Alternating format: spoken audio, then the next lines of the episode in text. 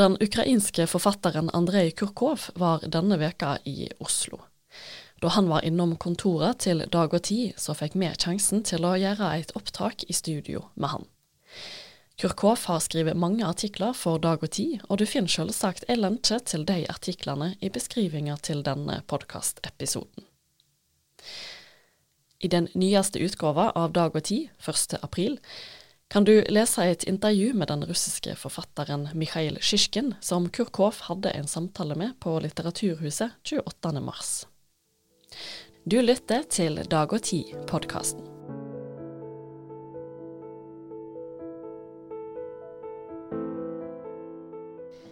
Andrej Kurkov, welcome to our podcast here in uh, Dag og Tid. You have been invited to Norway by the journal Samtiden and the Writer Association PEN. Your books have been uh, translated to more than 30 languages. And uh, we're very pleased to also say that in Dag og Tid you have, you have written more than 57 articles for our newspaper. Yes. Quite impressive. Starting in 2013. Yeah. Uh, you wrote a few articles about uh, the situation in Ukraine at that time, and now you have been following the situation uh, developing in Ukraine even before uh, the war broke out. So, uh, thank you so much for being here today. First, I was I was wondering how do you write your articles because there is so much uh, details in them, and it's it's it's kind of a whole novel, every every one of them. Well, practically, uh, I'm calling over the phone or WhatsApp my friends every morning and my acquaintances and uh, relatives. Now my son is in Kiev, and I ask them what is happening and what they are doing. I check their stories and I look around in the place where I live now in Western Ukraine. Mm. I read local news. I check posts on Facebook and Twitter, and I sort of trying to catch the atmosphere of the day and what is happening to the country and to the people. And and from this uh, huge selection of events and people and stories i mean something remains in my head and it is boiling there like on the stove until uh, some kind of 3d picture uh, appears in my imagination yes. And, and then i start writing and and I decide sort of almost subconsciously what what is more important from all these stories for me. Do you have any contacts in the in Kharkiv, for example? Of course, I, mean, I, I, yeah. I, have contacts in occupied Melitopol, in Kharkiv. Mm.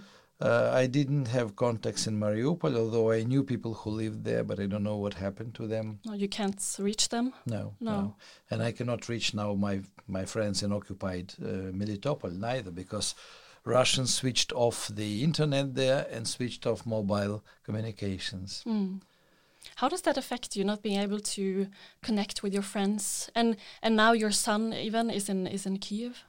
Well, I mean, uh, I, I, I worry. I I mean, I call my son and uh, I'm in touch with my wife several times a day, of course. Mm. But uh, once you get accustomed that you live in, in, in inside the war, then uh, you ad- adapt psychologically. I think so. It you you you lose ability to be extra emotional. So I mean, you you are emotional because I mean, like when I was retelling a couple of stories to my friends, uh, the stories with my other friends, and and every time I was repeating them, I was about to cry myself. Yes. Uh, and you cannot stop it because I mean, this is the events on the edge of the abyss on the edge of life. Uh, but but generally, uh, I understand that now everyone has to survive. everyone should be cautious, should be serious, and and, and shouldn't be depressed because I mean, if you are depressed, if you are not ready to fight for survival and you are not ready to uh, imagine a happy end, if you can call it happy end, the end of the war, then then uh, you you will be uh, more likely a victim uh, of your own depression and maybe of other events triggered by this depression because like one of our friends a very close friend uh, professor of uh, philosophy uh, Svetlana whom I know 45 years Uh, and, and, she decided to, to, to die. She was in Kiev, and she decided not to go to shelter, and she like tuned herself to to death. Really? Yeah, she sent us uh, a message which I quoted, since probably quoted also in Dag og Tid, that remember me with a smile. Yeah, mm. and even now I repeat it, and I, I feel like uh, uh, sort of broken and we managed to force her to leave Kiev. We organized, my son organized actually a transport for her, and she was taken with her friend uh, to Lviv. And from there, my friends organized another car, and she was taken to the border with Romania. And then she was in Romania, and, and uh, she was helped to get to Bulgaria. Now she's fine. Now she's, she's actually safe, mm-hmm. happy, uh, very lonely. So she writes now different kinds of messages, but but thanks God, she she's she has no more uh, thoughts about dying. Mm, that's good. Yeah. Mm. Um, what is your response to that there are so many Russians who apparently support the war against Ukraine? Well, 80% of Russian population supports Putin and the war, so I, I don't have response. I mean, I just uh, decided many years ago that they are extraterrestrial so I mean, extraterrestrial. I don't understand them because I mean, I, I uh, clinically understand what was happening, yes, but uh, uh, how humans can be inhuman. Mm. for me, it is a big question. I mean, I, I know it is reality, and this reality will keep Russia away from any civilization, from any improvements or any path to democracy. Mm. Uh, but uh, w- what can I do? I mean, I uh, I can only say that I will probably never in my life go back to Russia, mm. and I have no regrets about it. You yourself were born in Leningrad. I, was born in Leningrad. Yes. I grew up in Kiev. Mm.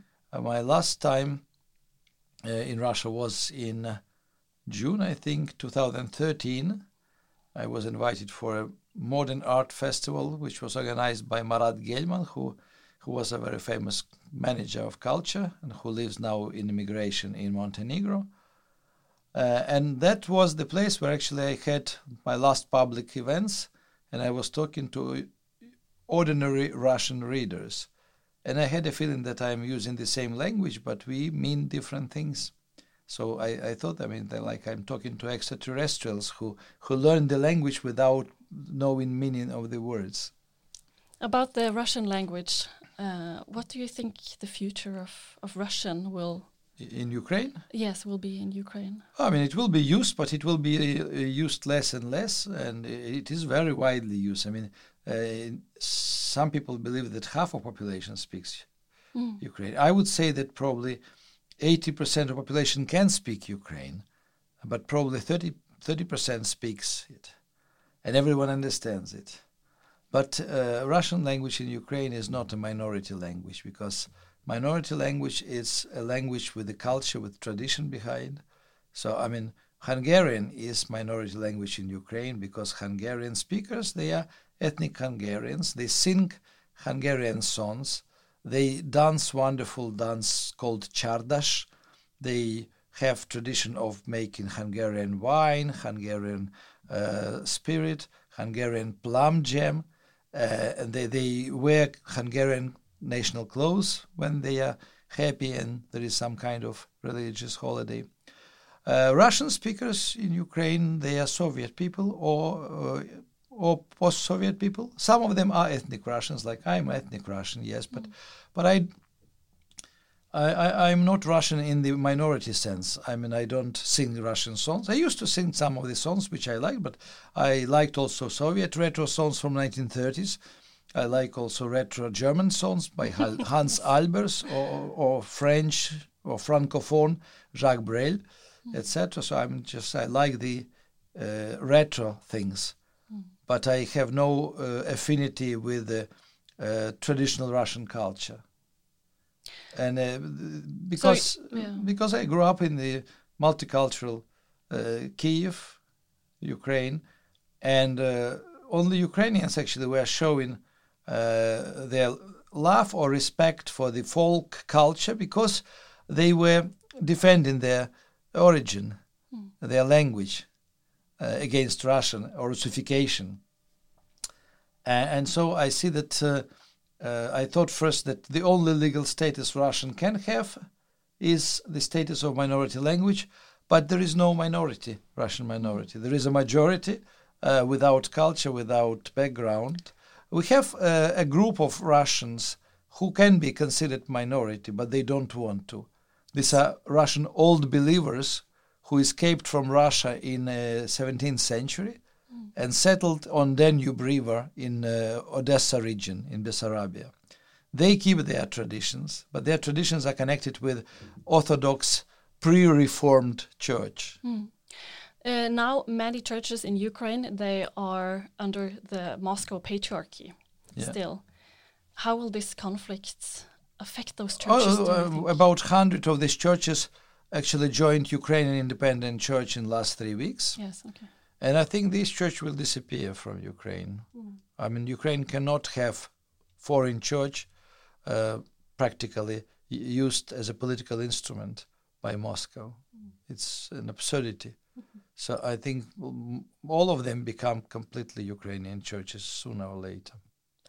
Yesterday, at the House of Literature in Oslo, you had a conversation with a Russian author, Shishkin. How how is how was that to talk with? Uh, well, I mean, he is he is not. I mean, he is Russian, but he is not from Russia. What do you mean by that? Uh, he lives since 1995 in Switzerland.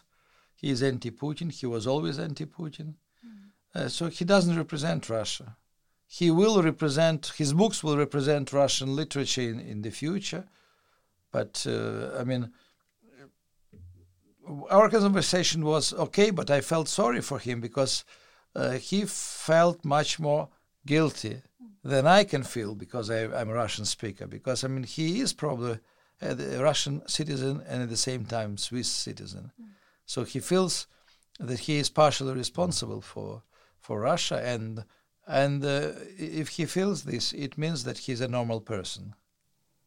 So I mean, I, I'm ready to talk to him. I know him for many many years. I'm happy to talk to Vladimir Sorokin, my old friend, and I organized translations of his books into Ukrainian.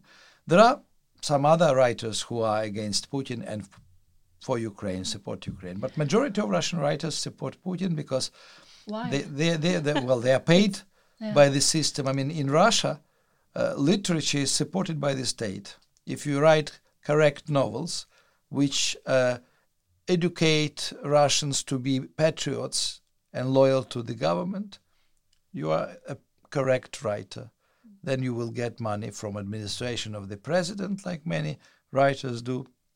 You will get uh, paid trips to the book fairs, etc. Mm-hmm. In Ukraine, literature was from the very beginning independent because the governments and politicians didn't care about art.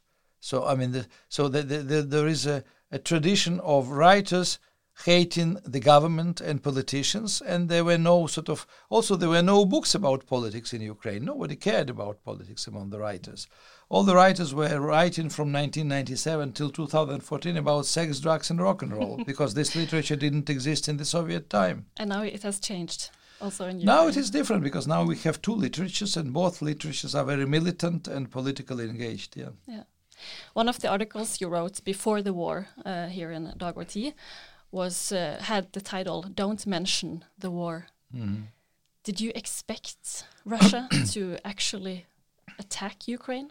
Well, uh, in the beginning, no, I, I, didn't expect in the beginning. Uh, but uh, like one week before the war, or several days before the war, I, it was the war was already in the air. Mm. I was only thinking that it won't be a total war; it will be again Donbass and east of Ukraine.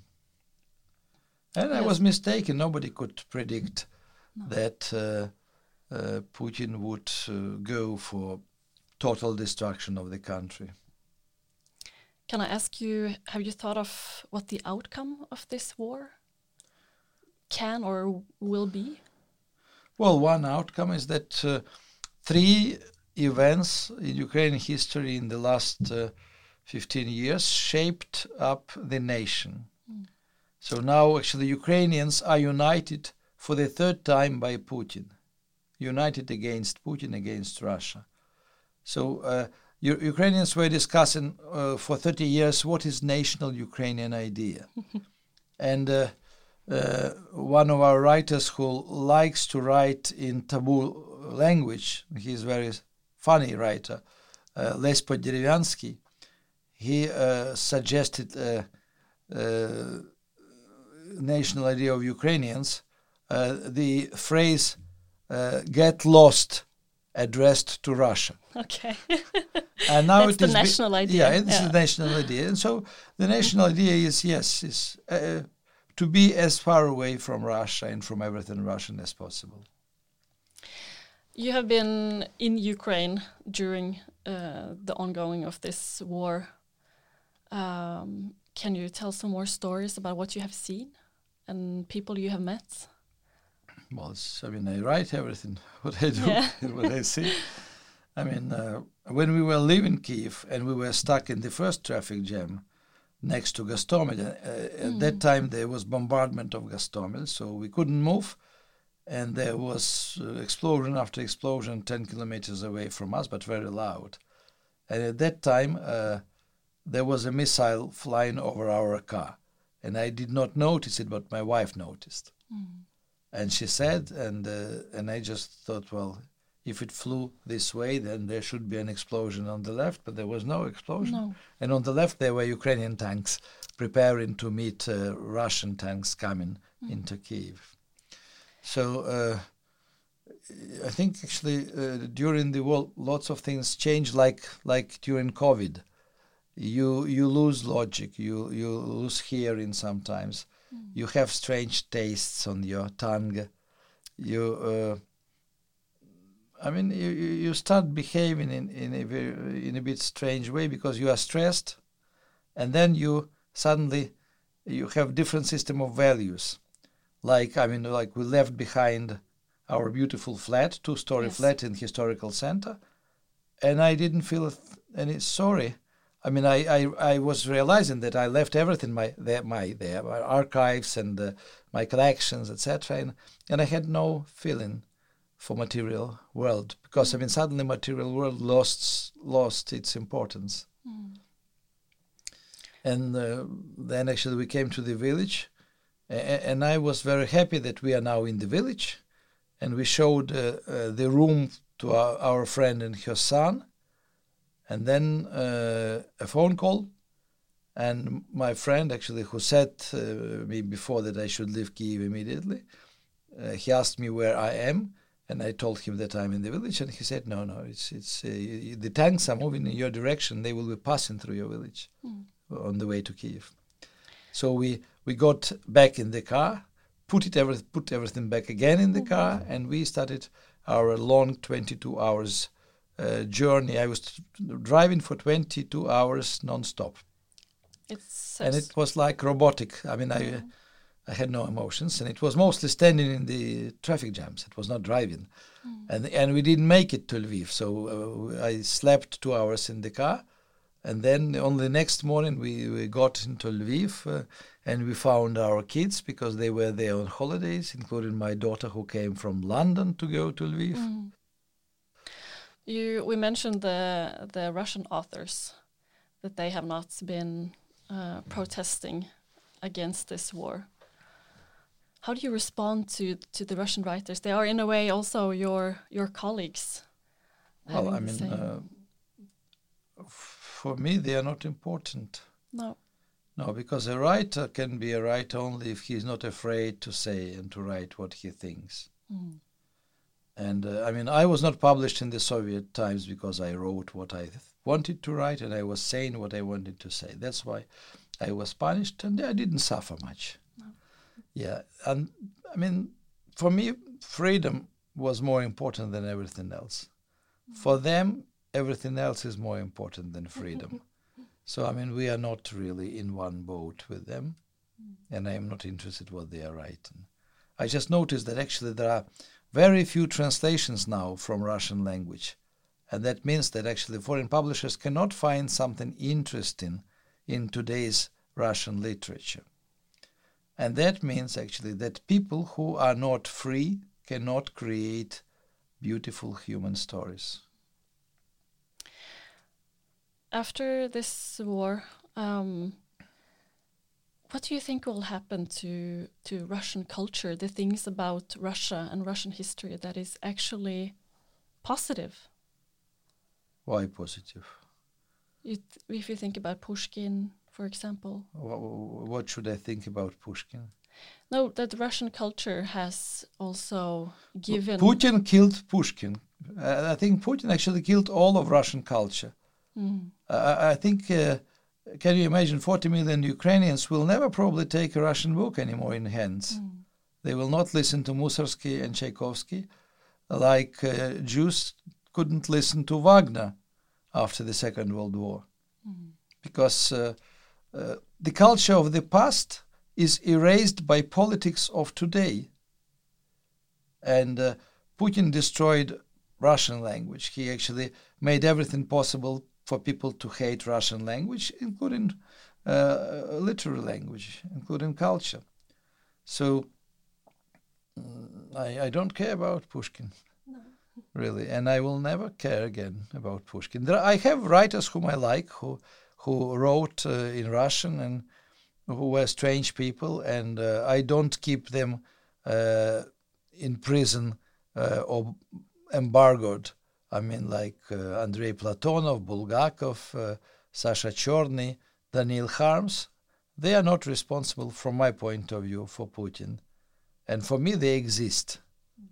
But uh, majority of the rest of the literature, no. no. Andrei Kurkov, that's unfortunately all we had time for today. You have to go to your next appointment. Thank you so much for talking with us today. You're welcome.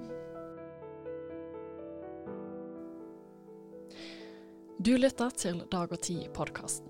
I studio var jeg Sofie Mai Rånes. Skriv gjerne en e-post dersom du har tilbakemeldinger på podkasten vår. Vi er tilbake igjen neste uke. Takk for at du lytta.